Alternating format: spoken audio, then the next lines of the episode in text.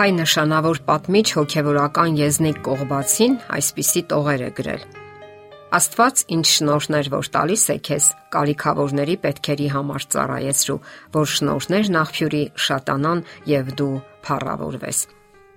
Իսկ ինչպես անել դա։ Այստեղ կարևոր է ճանաչել սեփական ուժեղ եւ թույլ կողմերը եւ հասկանալ այն, թե ինչ է կատարվում մեր մոլորակի վրա այսօր։ Հասկանալ որն է ամենամեծ պայքարը, որ մղվում է երկիր մոլորակի վրա, որ մարտի դաշտում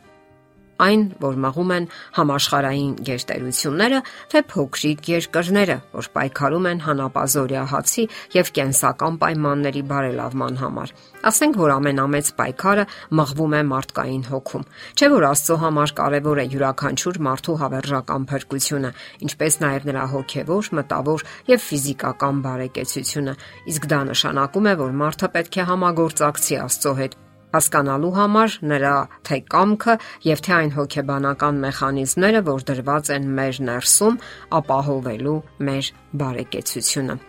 Դուք սիրում եք ձեզ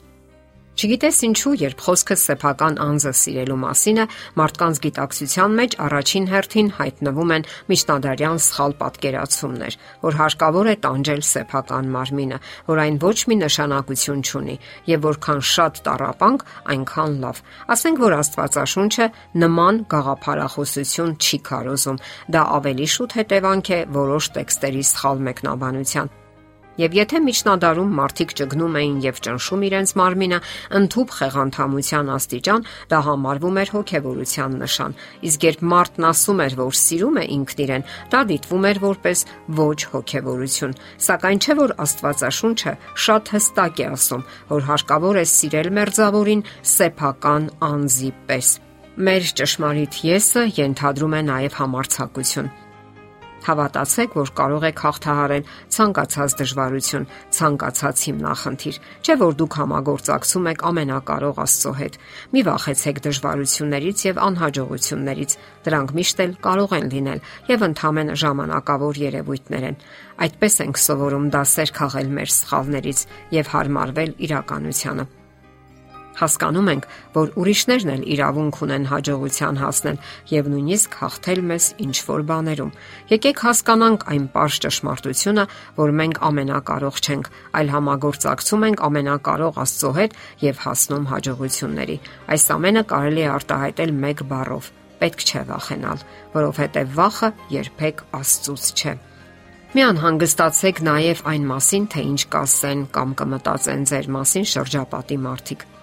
Եթե ունեք սիրո կարիք, ուրիշները նույնպես ունեն այդ կարիքը, եւ դուք կարող եք լինել նրանցից մեկը, ով բավարարում է մարդկանց սիրո մեծ կարիքը։ Սիրեք եւ օգնեք մարդկանց։ Օգնեք, որ ապրեն այս բարդ եւ մեղքից քայքայվող աշխարհում Այդ կերպ դուք հնարավոր է հայտնվեք անպաշտպան եւ խոցելի վիճակում, սակայն մի մտահոգվեք, parzapes հետևեք ձեր բարոյական սկզբունքներին։ Սիրեք մարդկանց, սիրեք երեխաներին, սիրեք ձեր շրջապատը, այն ամենը, ինչ միայն հնարավոր է եւ կարելի է սիրել, իսկ ամենից առավել սիրեք Աստծուն որովհետև նա է ամենայն ինչի աղբյուրը եւ կյանքի հիմնադիրն ու արարիչը համագործակցեք նրա հետ հետևեք նրա խորհուրդներին ու ցուցումներին Նրա խոսքում կան բոլոր հարցերի պատասխանները։ Հարկավոր է նաև պահպանել սահմանները։ Սա շատ կարևոր է մեր օրերում։ Թույլ մի տվեք որևէ մեկին խցկվելու ձեր կյանքի մեջ։ Դուք ունեք բարոյականության ձեր կանոններն ու սահմանները, եւ ոչ մեկը չի կարող ոչինչ պարտադրել ձեզ։ Նույնիսկ Աստված ոչինչ չի պարտադրում մեզ։ Ուր մնաց մարդիկ, Աստված ինքը առաջարկում է եւ մեղմ շշնջում այն, ինչը միայն մեր օգուտի համար է։ Նա չի բղավում մեզ վրա եւ չի պարտադրում։ Նա հանդարտ բացում է մեր առաջ իր սիրո գաղտնիքները եւ բարոյականության կանոնները, որոնց հետևելով մենք միայն օժնություններ ենք ստանում։ Սակայն ահա մարդիկ սիրում են ներխուժել մեր կյանք, պարտադրել եւ ճնշել, եթե ոչ բռնանալ։ Մարդկային շատ հարաբերություններում ուժեղները սիրում են ճնշել թույլերին, սիրում են իշխել եւ պարտադրել։ Աշխարհում պատերազմներ են ընթանում ուժի դիրքերից։ Ահա թե ինչու կարևոր է պահպանել այդ սահմանները, թե ընտանեկան, թե աշխատանքային եւ թե ցանկացած մարդկային հարաբերություններում։ Մի վախեցեք ասել ոչը հաստատակամ եւ վճռական։ Ավելի լավ է այդպես, քան հետո տանջվել խղճի խայթից կամ անարթարության զգացումից։ Պայքարեք այդ անարթարության համար նաև։ Յուրաքանչյուր մարդուց շատ բան է կախված։ Շատ մարդիկ ապրում են անցյալում Նրանք ոչ մի նոր բան չեն սովորում։ Ատոմային մեր դարում նրանք պատրաստ են կարգով ճանապարհորդել։ Մնում են միջնադարյան պատկերացումներում, իսկ Աստված ամեն օր նորովի է բացվում մեր հոգում։ Յուրաքանչյուր օրը իր հետ մի նոր զգացողություն է ապարգևում մեզ եւ նոր փորձառություններ ենք ապրում։ Նորովի ենք հասկանում կյանքն ու մարդկանց եւ իհարկե հարստանում ենք հոգեվոր զգացողություններով եւ աստվածային նոր հայտնություններով Ահա թե երբ է դրսևորվում մեր ճշմարիտ եսը Աստծո հետ ամենօրյա հարաբերություններում եւ ամենօրյա աճի մեջ։ Եվ եթե դուք ցանկանում եք դա եւ մղվում Աստծուն, այդ աճը կարող է երբեք չդադարել։